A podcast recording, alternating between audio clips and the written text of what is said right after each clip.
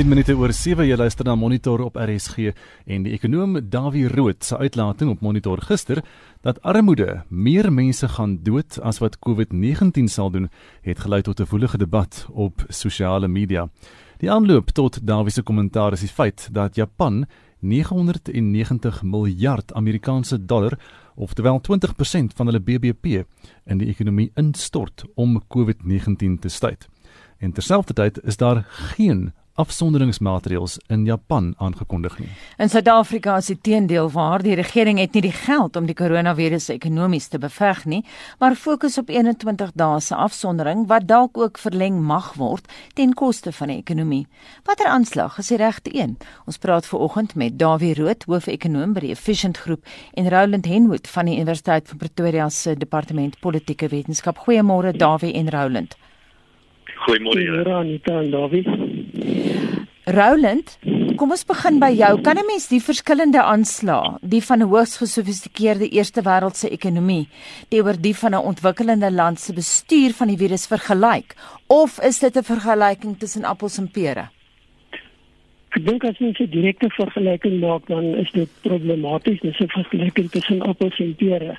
Maar ek dink wel dat jy mense 'n vergelyking kan maak in die konteks van leer by mekaar. Ons moet onthou hierdie virus is onverwags en die omvang daarvan is iets wat meeste regerings nog nooit eers aangedink het nie. En dit beteken dat hulle leer by mekaar, kyk wat gebeur, wat werk op watter plekke en wat nie. En dan belangrik is dat by mekaar leer beteken nie jy gaan letterlik doen wat die ander uit doen nie. Jy moet dit binne die konteks van jou eie omgewing gaan aanpas en gaan toepas. Davie, jou uitspraak oor armoede het net tot 'n groot debat gelei. Um, jy glo armoede dood meer mense as wat COVID-19 gaan doen. Kan jy daai uitlating van jou staaf met syfers? Ja, ek kan inderdaad as jy 'n paar syfertjies ek wil miskien net 'n opmerking maak en sê dat eh uh, die aankondiging van die inperking gemaak is, toe ek toe dink ek was dit op daardie stadium die regte besluit gewees, gegee die inligting wat ons op daardie stadium gehad het en die beste eh uh, uh, uh, toepassing wat internasionaal gevolg word. So ons het die internasionale tendense gevolg wat ek reken op daai stadium gegee die onsekerheid wat dit die regte besluit gewees uh, om te doen. Man tussen het ons meer inligting gekry en tussen het ons tyd gehad om daaroor te dink en hier's 'n paar interessante syfers. Ehm um, die daar's geen twyfel daaroor nie dat rykdom of inkomste korreleer baie goed met alles wat goed is in die wêreld. Jy kan byvoorbeeld gaan kyk, ryk lande is lande waar daar goeie gesondheidsdienste is, goeie uh uh onderwysdienste, ryk lande is lande wat baie langer lewe. Alles wat goed is, korreleer met rykdom. Nou kom ek gee vir julle 'n paar van die voorbeelde. Suid-Afrika se lewensverwagting byvoorbeeld. Dit is maar net een van die syfers. Suid-Afrika se lewensverwagting is so wat 64 jaar en die lewensverwagting in Europa is 80 jaar of ouer en dit dit beteken dat in Suid-Afrika verloor ons so wat 'n derde van ons moontlike lewensverwagting as gevolg van armoede want dit is die enkele belangrikste uh, korrelasie of die rede hoekom mense lank lewe. Dit is eenvoudig omdat hulle ryk lande is. So ons verloor sê net maar 20 jaar. Elke individu kan 20 jaar langer lewe as ons op 'n een of ander manier ons inkomste kan kry op kry op Europese vlakke. Byvoorbeeld in die geval van Suid-Afrika se inkomste dis nou aangepas vir allerlei goeder soos koopkragpariteit en so aan. Suid-Afrika se inkomste is so net onder die 300 000 rand per jaar die gemiddelde inkomste in Suid-Afrika so 15 000 dollar. Die Europese inkomste is 55 000 dollar en dit is so wat 'n miljoen rand per jaar. Dit beteken die Europeërs is oor die algemeen so wat 3 keer ryker as Suid-Afrikaners. En dit is die antwoord tot alles wat goed is uh, in in wat ons as mense wat vir ons belangrik is as mense. Kom ek gee vir nog voorbeelde. Suid-Afrika is 'n baie jong jong gemeenskap. Suid-Afrika as jy kyk na Suid-Afrika se demografie, uh, is Suid-Afrika 'n jong gemeenskap met baie jong mense wat nou in die vooraan staan van hulle loopbane. Ehm um, dit beteken ons het 'n sogenaamde demografiese dividend wat besig is om in Suid-Afrika te begin deur te spoel. Dit beteken ons gaan nou relatief beklomp potensiële werkers in Suid-Afrika hê, in Suid-Afrika hê. Daar's natuurlik ander dinge wat ook probleme het so wat 'n invloed hierop het soos byvoorbeeld die kwaliteit van ons onderwys en dis meer. Maar daardie mense gaan nou ewe skielik 'n uh, ekonomie ehm um, uh, erf wat ernstig skade ly as gevolg van hierdie hierdie inperking. En miskien net 'n laaste opmerking ook. Die vierde nywerheidsrevolusie word is ewe skielik oor ons. Die vierde nywerheidsrevolusie is 'n plek waar mense met sekere vaardighede ehm um, kan deelneem aan ekonomiese aktiwiteite en baie besighede hou aan werk want hulle het 'n koneksie, hulle het die vaardighede om oor die internet hulle besigheid te doen, maar dit is reeds die mense wat wat nie die nodige vaardighede het nie. Die armes wat byvoorbeeld in 'n ander tipe van werke by betrokke is wat nie kan deelneem aan 'n ekonomie wat tot stilstand gekom het soos wat ons nou sien nie. Dit gaan die die die inkomste verdeling in Suid-Afrika nog skewer trek en 'n groter wanbalans veroorsaak tussen die wat het en die wat nie het in Suid-Afrika nie. Met al die sosiale en politieke gevolge en so wat daarmee saamgaan. Maar die belangrikste punt is rykdom is daai een enkele belangrikste sleutel tot alles wat goed is uh, vir ons as mense. Roland, ons gaan nou by jou uitkom, maar ek wil vir 'n oomblik stil staan by Dawie. Hoe sou jy Dawie Rood regeringsbeleid aanpas geskoei op jou armoede teorie? Sou jy 'n verlenging van die inperking ten alle koste vermy om die ekonomie aan die gang te kry? Sekerlik nie ten alle koste nie. Nee, Anita natuurlik nie. In die geval van Suid-Afrika byvoorbeeld, die gemiddelde persoon, daar's 'n paar mense al dood in Suid-Afrika wat verskriklik hartseer is. Mense gaan dood elke dag aan allerlei goeters. Maar die die realiteit is, dis 'n sekere groep mense wat 'n baie groter kans staan om dood te gaan van hierdie van hierdie virus. In die geval van Suid-Afrika is die gemiddelde persoon wat dood is in Suid-Afrika 72 jaar. En dit is dit stem ooreen met internasionaal uh, internasionale syfers. Ouer mense gaan makliker dood hieraan en natuurlik mense met een of ander onderliggende toestand. So wat ons moet doen, ons moet na daardie mense omsien. Ons moet hulle afsonder, ons moet hulle na hulle omsien soveel as wat ons moontlik kan en ons moet seker maak dat hulle beveilig word soveel as wat ons moontlik kan. Maar terselfdertyd moet ons ons moet ons ons bes probeer om die ekonomie so vinnig en, en so gou as moontlik weer aan die gang te kry. So wat ek dink die, die klem moet uh, moet anders ter wees. In, in steede daarvan om die hele ekonomie tot stilstand te bring, dink ek moet die klem daar wees om die weerloses te beskerm. Uh, en ek dink dit kan sekerlik gedoen word en dit word inderdaad deur baie lande gedoen. Jy het onder andere verwys na Japan. Roland, um, Piet Kroukamp het nou die dag hier op monitor verwys na die sosio-kulturele konteks wat ook belangrik is in terme van die bestuur van die virus. Dink jy die gemeenskappe oor Suid-Afrika heen is ontvanklik vir die manier hoe die regering die virus probeer bestuur? Ek dink ongetwyfeld in die breë is mense ontvanklik. Ehm um, maar daar is definitief plekke en daar's aanduidings dat mense wat kom ons net op die rande van die samelewing funksioneer en oorleef en, en dit is baie van die mense wat Dawie na verwys het, die arme mense is waarskynlik nie so goed ingelig en op hoogte van wat gebeur nie. Ehm um, daar's definitief hoë vlakke van onsekerheid in hierdie plekke en dit is waar baie van die probleme lê met die uitvoering van hierdie idee van afsondering en afstandskep om mense te beskerm teen die virus. En dit is waarskynlik ook van die plekke waar die hoogste vatbaarheid vir ernstige nagevolge is vir hierdie virus. So ongetwyfeld moet ons daarna gaan kyk. Ek dink as jy mense wil begin breër vergelyk, dan kyk jy na die benadering wat gevolg word op plekke waar baie meer klem gelê word op individuele verantwoordelikheid en aanvaarding van verantwoordelikheid teenoor wat ons in Suid-Afrika en ook in ander dele van Afrika sien uitspel. Dit is daar waar mag gebruik word om mense dit eenvoudig te doen in 'n situasie in van gehoorsaamheid.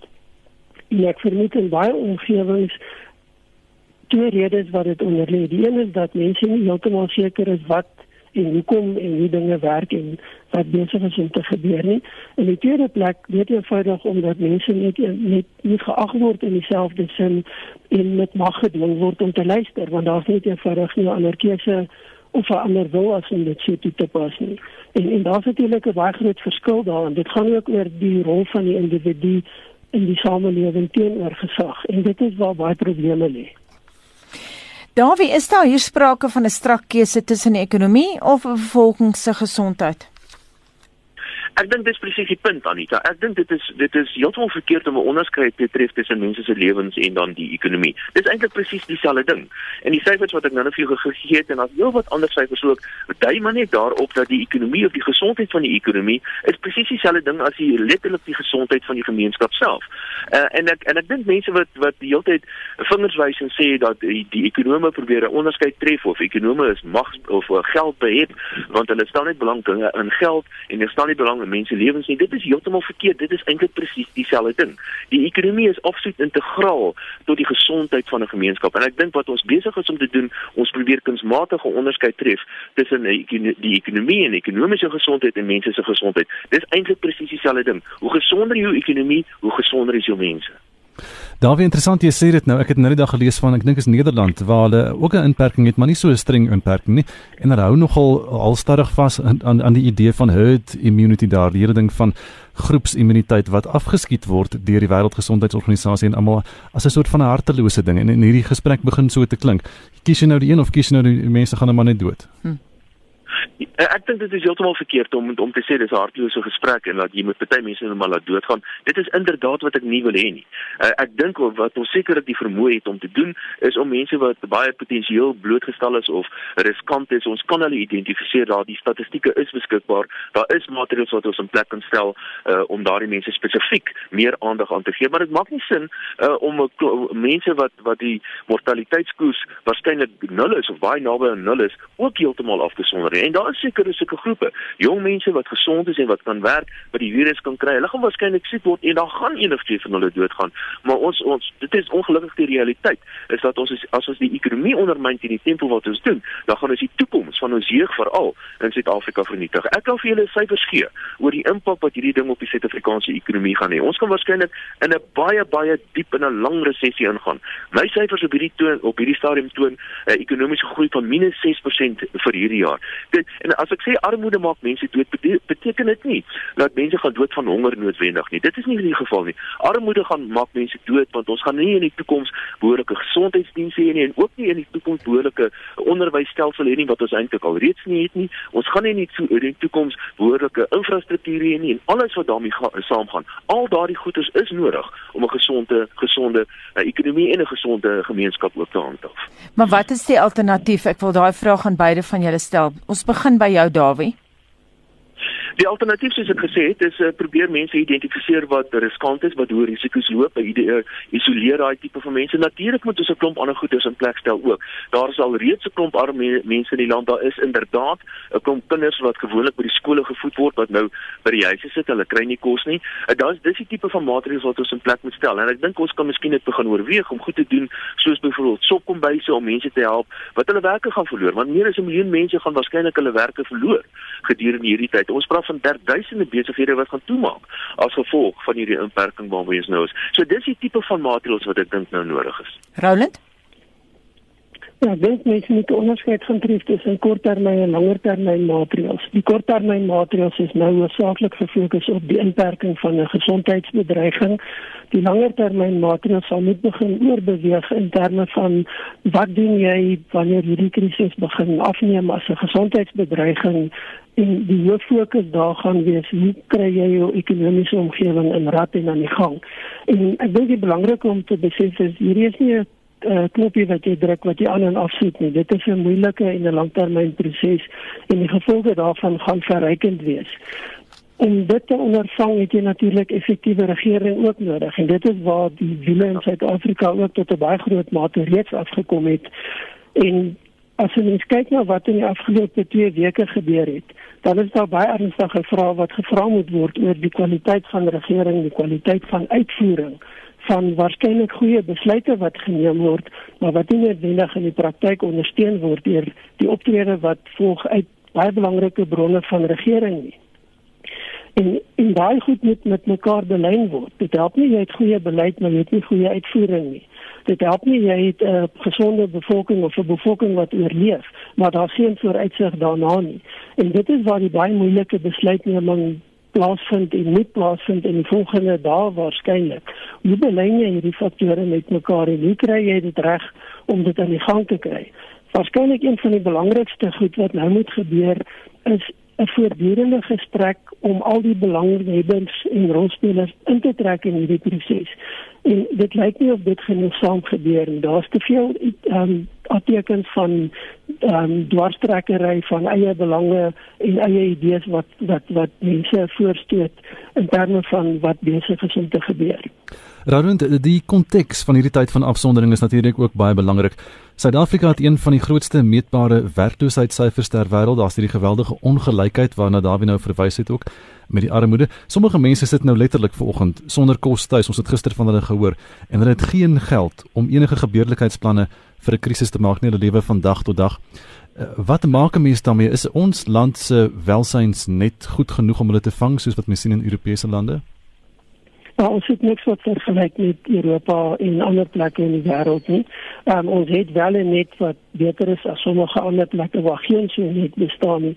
Die probleem met so net is in Suid-Afrika dat jy net sekere mense opvang en dat jou bronne beperk is. Ek meen dit is 'n feit dat die regering is bankrot. Daar is net eenvoudig nie die tipe geld om aan te hou om hierdie goed te doen en almal te ondersteun wat dit nodig het nie.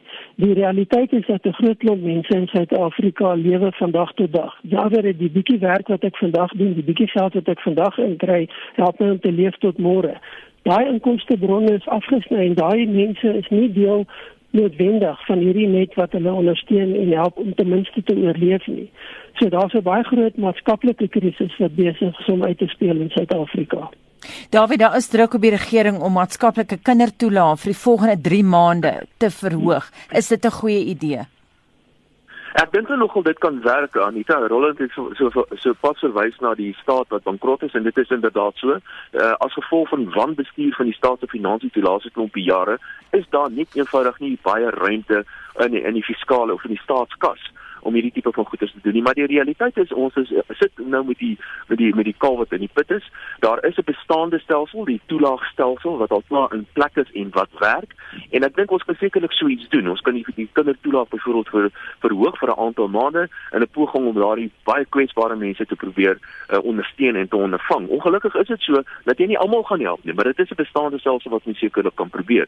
Die groot probleem hiermee is dat ons het nie reg ons het nie geld nie. So ek dink eintlik moet mens hierdie ding omkeer as 'n moontlike geleentheid en, en, en ons moet almal besef dat ons moet sekere uitgawes wat ons aan gewoond is, moet ons nou miskien begin terugsny en ek verwys spesifiek na die staat veral goede soos byvoorbeeld geld aan aan staatsbeheerde instellings miljarde rande wat na Suid-Afrikaanse lugdiens en dies meer toe gaan nie. Ons moet ophou dit te doen. Ons moet hierdie geld spandeer op goedes wat baie meer belangrik is, soos byvoorbeeld die kindertoelaag.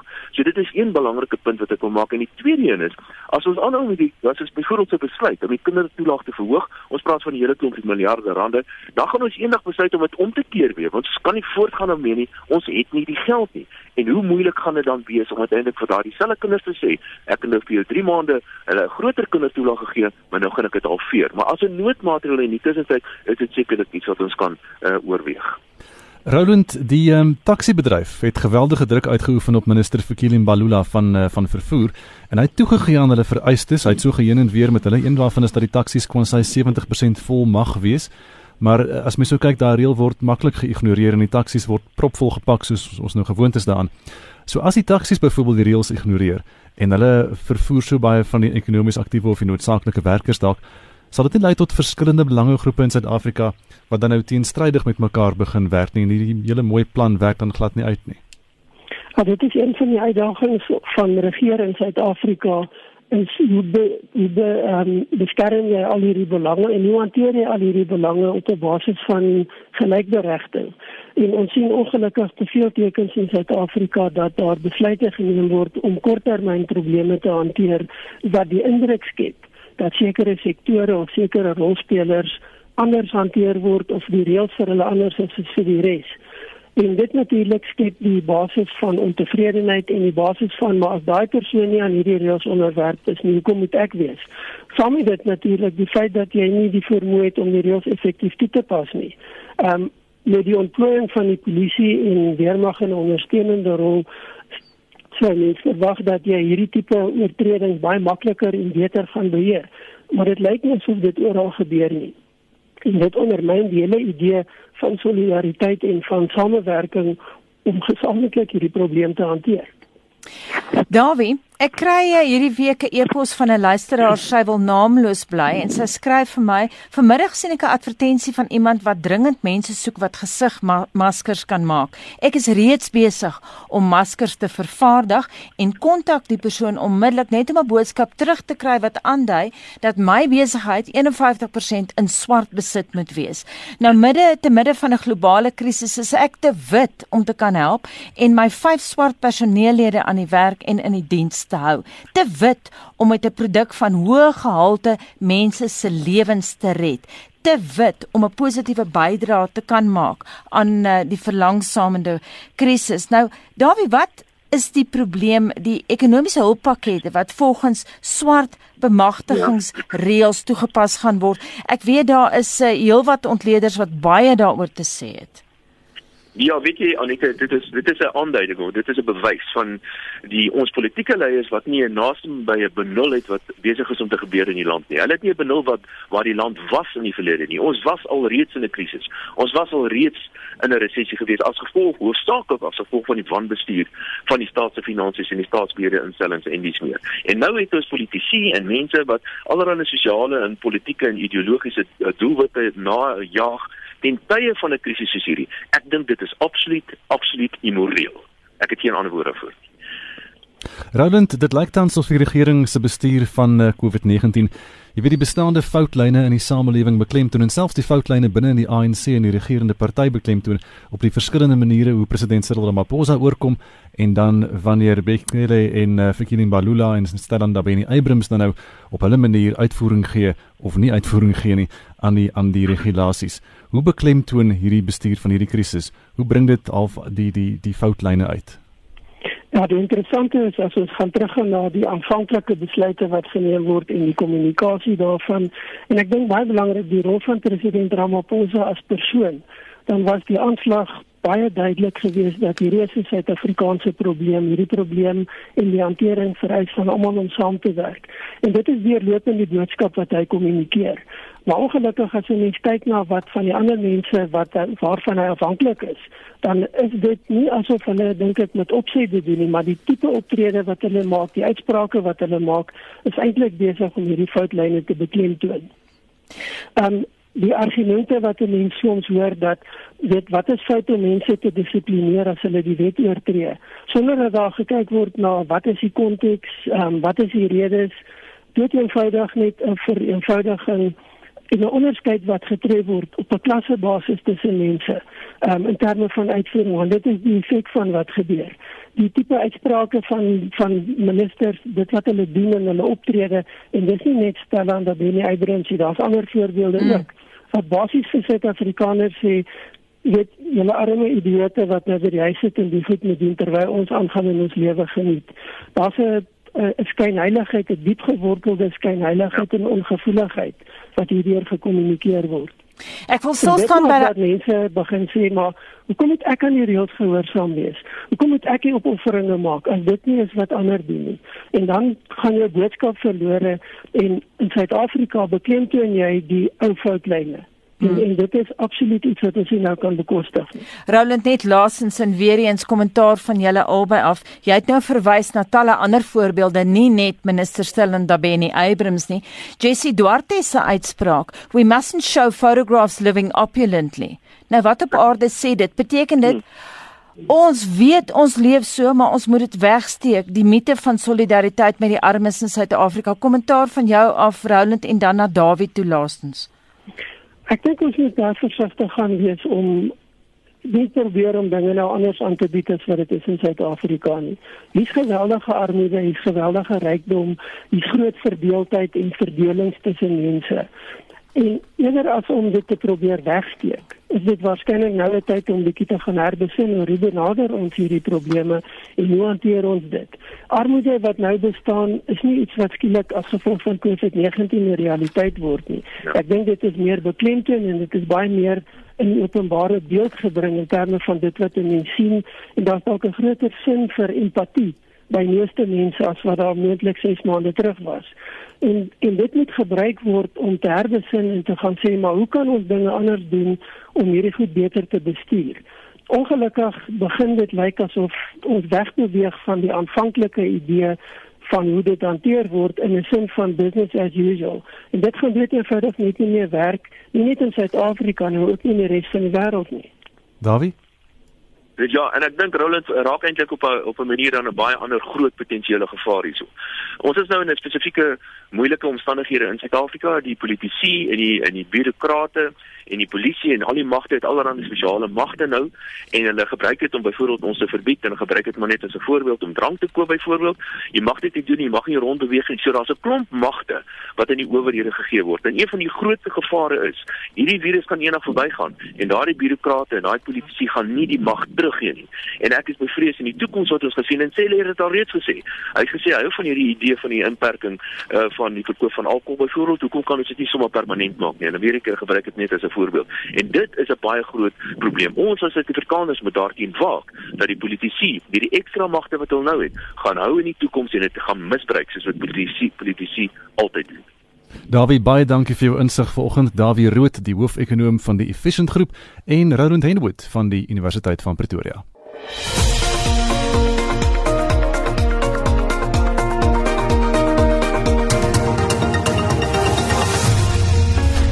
Vincent, wat sê ons luisteraars? Anita, ek wil net 'n um, kommentaar gee van 'n luisteraar wat saam met Dawie Rood saamstem oor julle vorige onderhoud. Hy sê goeie punte deur Dawie. Ek en my gesin woon permanent in Nederland. Die herd immunity beginsel hier is 'n beter balans vir die ekonomie en die mense se gesondheid. Restaurante mag steeds kos aflewer aflewer en meeste winkels bly oop, natuurlik met sosiale afstandhouding, maar dit buffer net ten minste die klein saakondernemings tot 'n mate sê Francha Koetser oor julle vorige onderhoud.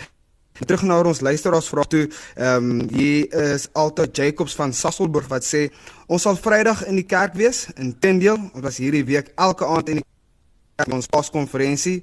Livestream is wonderlik. Ons doen nagmaal ook en elkeen stuur 'n foto na die Facebook bladsy om hulle nagmaaltafel te wys. Ons probeer die saam wees gevoel skep en dit werk. Ons sing ook saam. Ons het 'n band van 2 wat die praise and worship doen hierdie situasie die kerk gedwing om uit die vier mure te kom. Dit is altyd sê dan myn belief. Sê gaan die afgelope 7 jaar Dit lyk my Vincent dat die klankingenieur sê ons sukkel te veel met daai klank van jou. Ons gaan probeer om dit reg te stel voor 8uur. Dis 22 minute voor 8 en Estie de Klerk is volgende met vandag se wêreldnuus. Volgens die Johns Hopkins Universiteit is daar nou wêreldwyd 1,5 miljoen bevestigde gevalle terwyl 90 000 mense reeds aan die koronavirus gesterf het. Ons begin by die hoof van die Wêreldgesondheidsorganisasie wat gesê het eenheid moet bevorder word nadat die WHO vir die soveelste keer deur die Amerikaanse president Donald Trump aangeval is. Estie Ja, Gustav, gister het die hoof van die Wêreldgesondheidsorganisasie die werk van die organisasie verdedig en gesê daar moet 'n einde gebring word aan die politisering van COVID-19 nadat Trump gesê het hy sal oorweeg om befondsing aan die WHO te staak omdat hy beweer die Wêreldgesondheidsorganisasie is China goedgesind. Kom ons luister wat die hoof van die Wêreldgesondheidsorganisasie gesê het. Please don't politicize this virus. It exploits the differences you have at the national level. No need to use COVID to score political punch.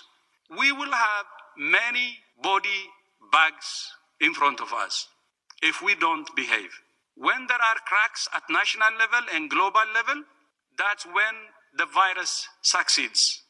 For God's sake, we have lost more than 60,000 citizens of the world. Even one person is precious, whether it's young or old. More than a million cases. What are we doing? Hm. Emosionele pleidooi daarvan die hoof van die Wêreldgesondheidsorganisasie. Ons bly in Amerika dan wat reeds vir geruime tyd as die episentrum van die siekte beskou word en hy se berekening van die sterftes afwaarts aangepas die FSA, is dit? Nou, Gustav, die Amerikaanse geneesheer-generaal Jerome Adams sê die verwagting is dat minder as 100 000 mense teen Augustus aan die siekte sal sterf teenoor die vorige berekening van tot 240 000. Byna 2000 mense het binne 24 uur in die VS aangesterf en dit is die tweede dag in 'n ry dat 'n sterftesyfer van byna 2000 aangeteken word. Meer as 14600 mense in Amerika het reeds weens die siekte gesterf en daar is meer as 431800 bevestigde gevalle. In New York alleen is 150000 bevestigde gevalle. En dan van Amerika verskuif ons die fokus na Suid-Korea waar daar tekens van hoop is, né?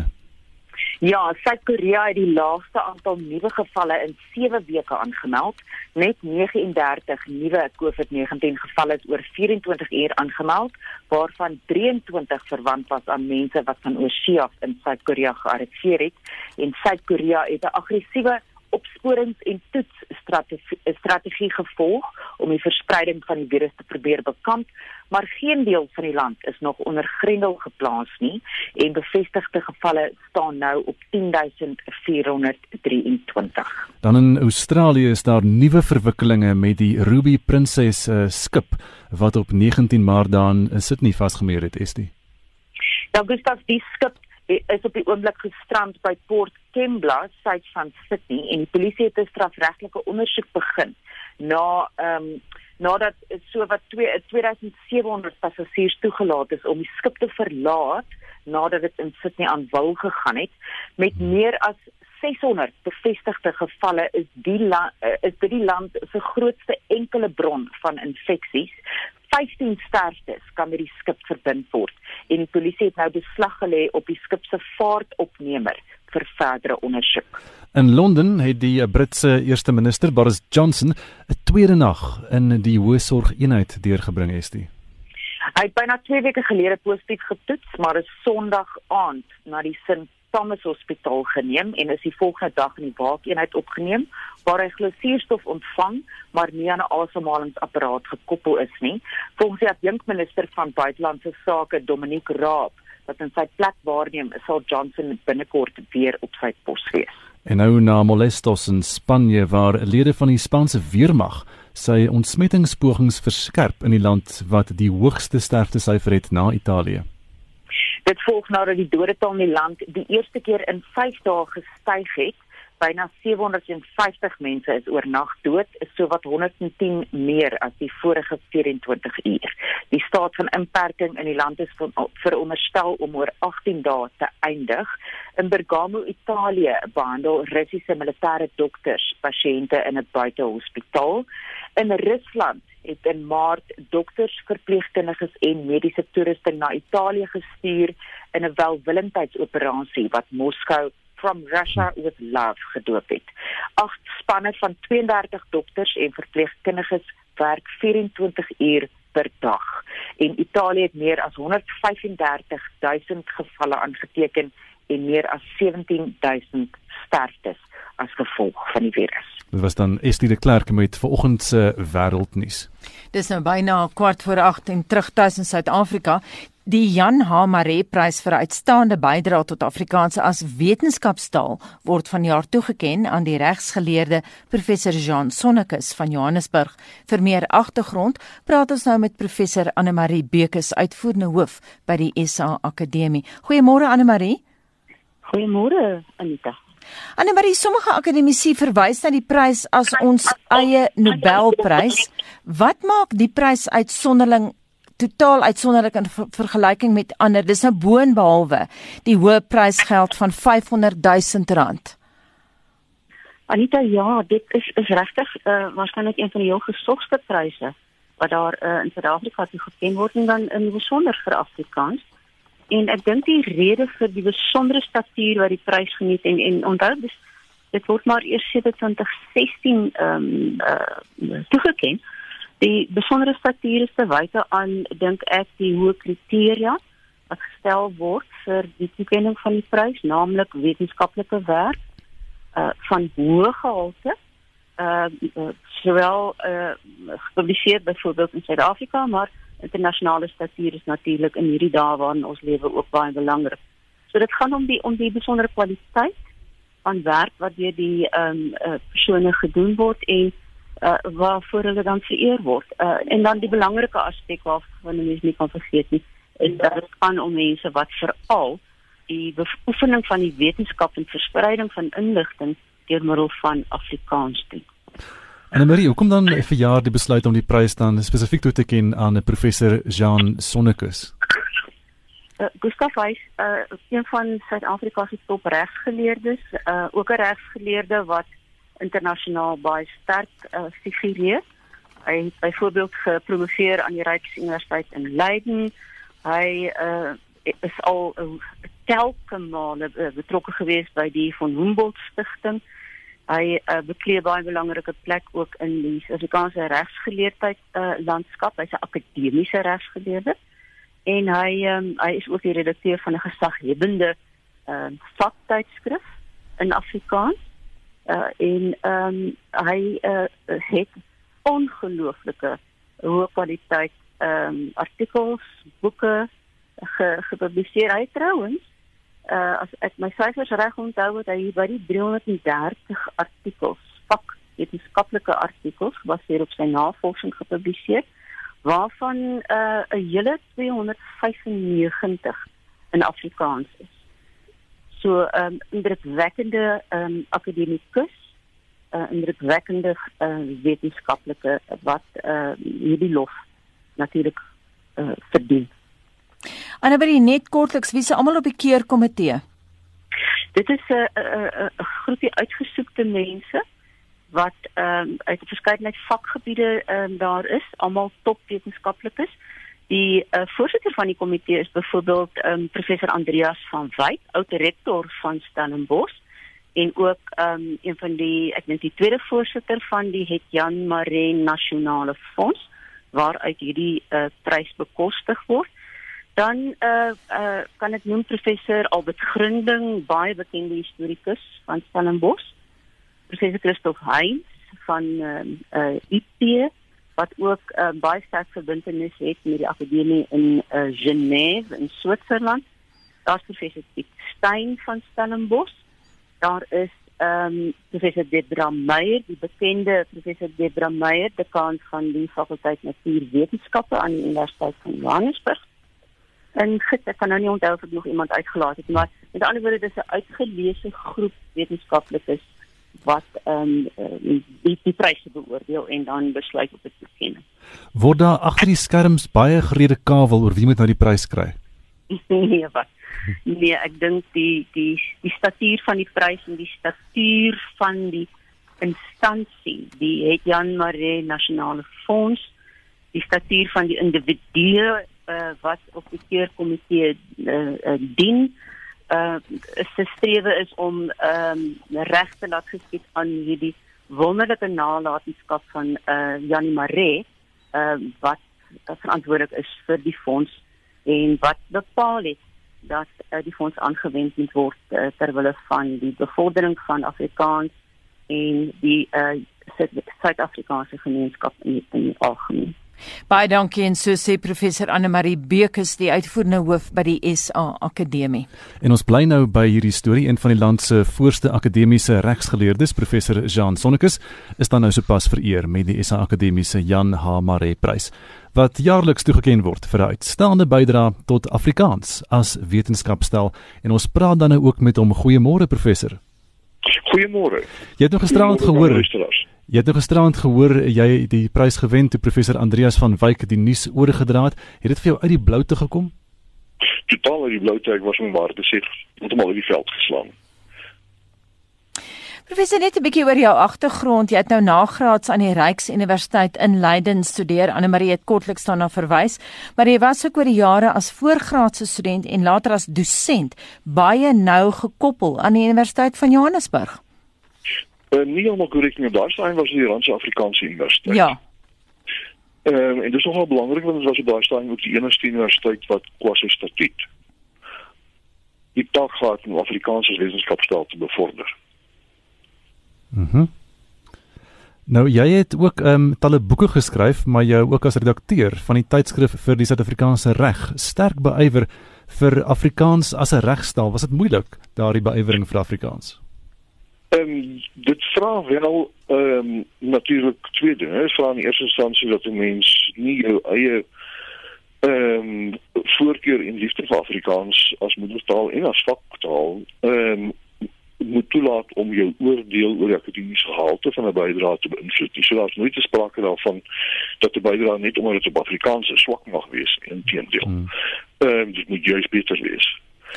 Ehm um, en ek dink dit is dit is uiters belangrik. Ons moet vreeslik versigtig wees op die oomblik sien ons 'n tendens dat ook Afrikaanssprekendes om verskillende redes nie swyntyd nie akademies nie.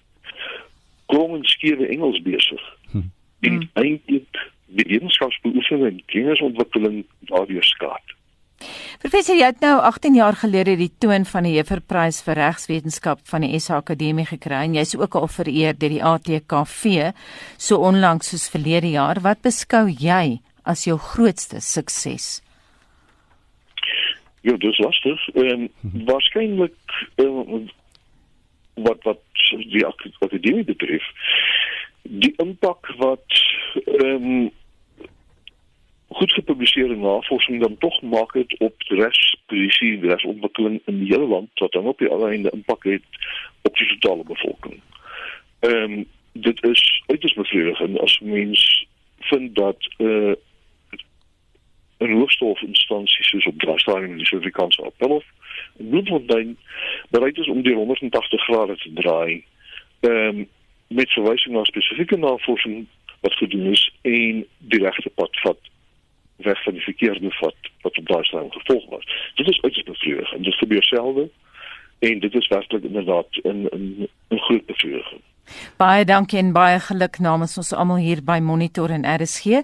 Dit dan professor Jean Sonnekus wat vanjaar vereer is met die SA Akademiese Jana Maree Prys wat jaarliks toegekend word vir 'n uitstaande bydrae tot Afrikaans as wetenskapstaal.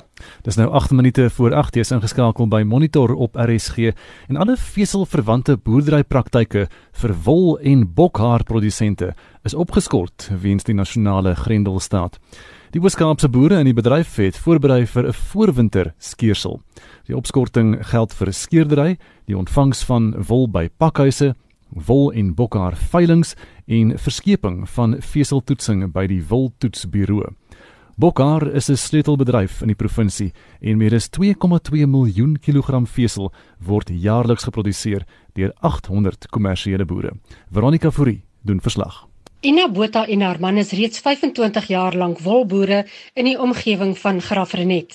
Sake het goed verloop met goeie wêreldwye vraag na wol, veral China. Maar die uitbreek van die koronavirus het 'n stok in die wiel gesteek. Die uitbreek van back and closure in die noorde van die land en die groot droogte het 'n stok in die wiel van die bedryf gesteek. Ina se skape is pas klaar geskeer, maar wat nou gemaak met die wol? China koop 70% van Suid-Afrikaanse wolskeersel. Laasweek is die wolmark 12% af wat regtig ons finansiëel raak. Ons wol gaan eers oor 'n maand verkoop word. Ons hoop teen daai tyd het dit gestabiliseer, maar met fabrieke en so voorts wat ehm um, stadiger is of nie op volle sterkte funksioneer nie, weet ons nie. Ons is bekommerd daaroor want ons het ons geldjies nodig na die vreeslike droogte wat ons gehad het, ja. En hoe het julle die werkers voorberei? Ons het alreeds 'n klein werkwinkel met hulle gehad om net maar net weer te sê asseblief, hulle moet mooi kyk na hulle self, persoonlike higiëne. Ons het uh, vertel hoe word dit versprei, wat dit is. Ek beplan om weer vir almal bymekaar te roep en net weer regtig die belangrike punte en die gevaar rondom corona vir hulle uit te lig want ek dink nie hulle hulle is regtig ingelig nie. Ja, ons bly gelukkig in die Karoo, so dis wonderlik. Ons het min mense om ons, so dit is wat dit lekker maak om hier te bly. Boere is aangeraai om alle bokhaar en wol wat nie in die tyd gelewer kan word nie, te weeg en veilig te hou. Maar boere soos Ina sê dis 'n penarie. As die inperkingstyd verby is, wat hopelik nie verleng sal word nie, is koue weer op hande. Die skape sal dan sonder hulle winterwol wees. Die algemene bestuurder van Cape Wool, Dion Simon, sê wol en bokhaarboerdery is wel deel van die landbousektor, maar nie gereken as 'n noodsaaklike diens nie. Derhalwe het ons 'n gesprek getree met beide die departement van landbou en die, en die departement van handel en nywerheid en ook via Agri SA alle kanale opgevolg om wol te probeer uh geklassifiseer kry as 'n essensiële diens. En so ook dan die boere behulpsaam te wees wat in 'n posisie is waar hulle nie langer kan wag om te skeer nie, dat hulle wel kan skeer en hulle produk kan kry na die mark toe en dat daar wel op 'n sekere mate die die handel kan kan voortgaan en dat die hele pipeline wel in 'n posisie kan wees om om handel te dryf en so seker te maak dat daardie uitvoerinkomste wel kan invloei in Suid-Afrika in. Die bokhaarbedryf is in dieselfde penarie as die wolprodusente. Lindsay Humphreys, die algemene bestuurder van Mohair South Africa, sê die 1.5 miljard rand bedryf is tot stilstand met hulle grootste afsetgebied in China. So the Mohair industry is not adverse to challenges. We've been through a few in the last couple of years. We are in constant contact with our stakeholders both globally and locally and are staying abreast of COVID 19 developments and how this may affect our industry. Our focus for the moment is the implementation of the Responsible Mohe Standard. This standard is globally recognized as a best practice farming standard on the ground. We are using the lockdown time to actually work closely with our producers in preparing for their audits on the standard. And this standard will set us apart in the world after lockdown opens. Plaaswerkers soos Koos Lakey het nou heelwat minder om te doen. Hy sê hulle is begaan maar dis vir hulle ook belangrik om deur hierdie moeilike tyd te kom. En baie versigtig wees, jou mense, en nog nie kuiergaste by jou laat kom vir veiligheid. Dat hulle maar weg bly vir 'n tyd tot die virus dinge verby is. En jy, jy goed versorg. Jy het nog nie net groet en soen en so aan. Jy is versigtig jou hande was voor jy loop eet op. Voor jy dink klaar gebruik het ook. As jou hande sodat alles kan veilig is. Gebruik my jou middels wat jy moet gebruik. Kom eintlik met reg mense, nie net so af en toe aan die baie nie. Wol en bokhaarboere het nog nie hulle skade bereken nie, maar hoop dat die bedryf gou sal kop optel. 'n Verlengde inperking sal egter hulle kontantvloei in die toekoms baie benadeel. Dis Veronica Fourie naby Graafrenet. Ons die laaste kans om te luister na die stemnotas van ons luisteraars. Ja, ek wil sê hierdie pas naweek, almal maar in die huis bly, is altyd wanneer 'n mens nou regtig het om saam met jou familie te spandeer, vernaam ons wat security is. As altyd wanneer ons nou eintlik in die in die familie kan saamspend. En dan uh, wil ek net sê vir die ander security hulle moet veilig wees en veilig werk, hulle hande skoon hou. Ons is naby aan die einde van vandag se program. Estie de Klerk, hoe lyk Spectrum se dagboek vir later vanmiddag? Gustav, die datums vir die uitbetaling van maatskaplike toelaas het verander. FNB sê COVID-19 het reeds 'n impak op die eiendomsmark en die ANC in die Vrystaat deur die burgemeester van die Machabeng munisipaliteit, Nkosi Jani Speelman geskort. Ons kyk na hierdie stories en nog 'n paar ander in Spectrum vanmiddag om 1uur. Ja, bly ingeskakel. Onthou môreoggend na Monitor te luister. Ons sal nie 'n uh, 2 uur lange program hê nie weens die feit dat dit uh, Paasvrydag is, maar ons sal wel vir julle op hoogte hou van die jongste nuus ook internasionaal in terme van COVID uh, COVID-19 en dit beteken dat Monitor 7 uur op die lug gaan.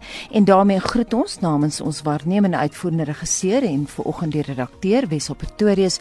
Ons produksieregisseur was Daitron Godfrey en my naam is Anita Visser. Bly ingeskakel by RSG want praat saam is volgende met Lenet Fransis Puren en ek is Gustaf Vreiding. Mooi bly dan tot môre oggend om 7uur vir die goeie Vrydag monitor.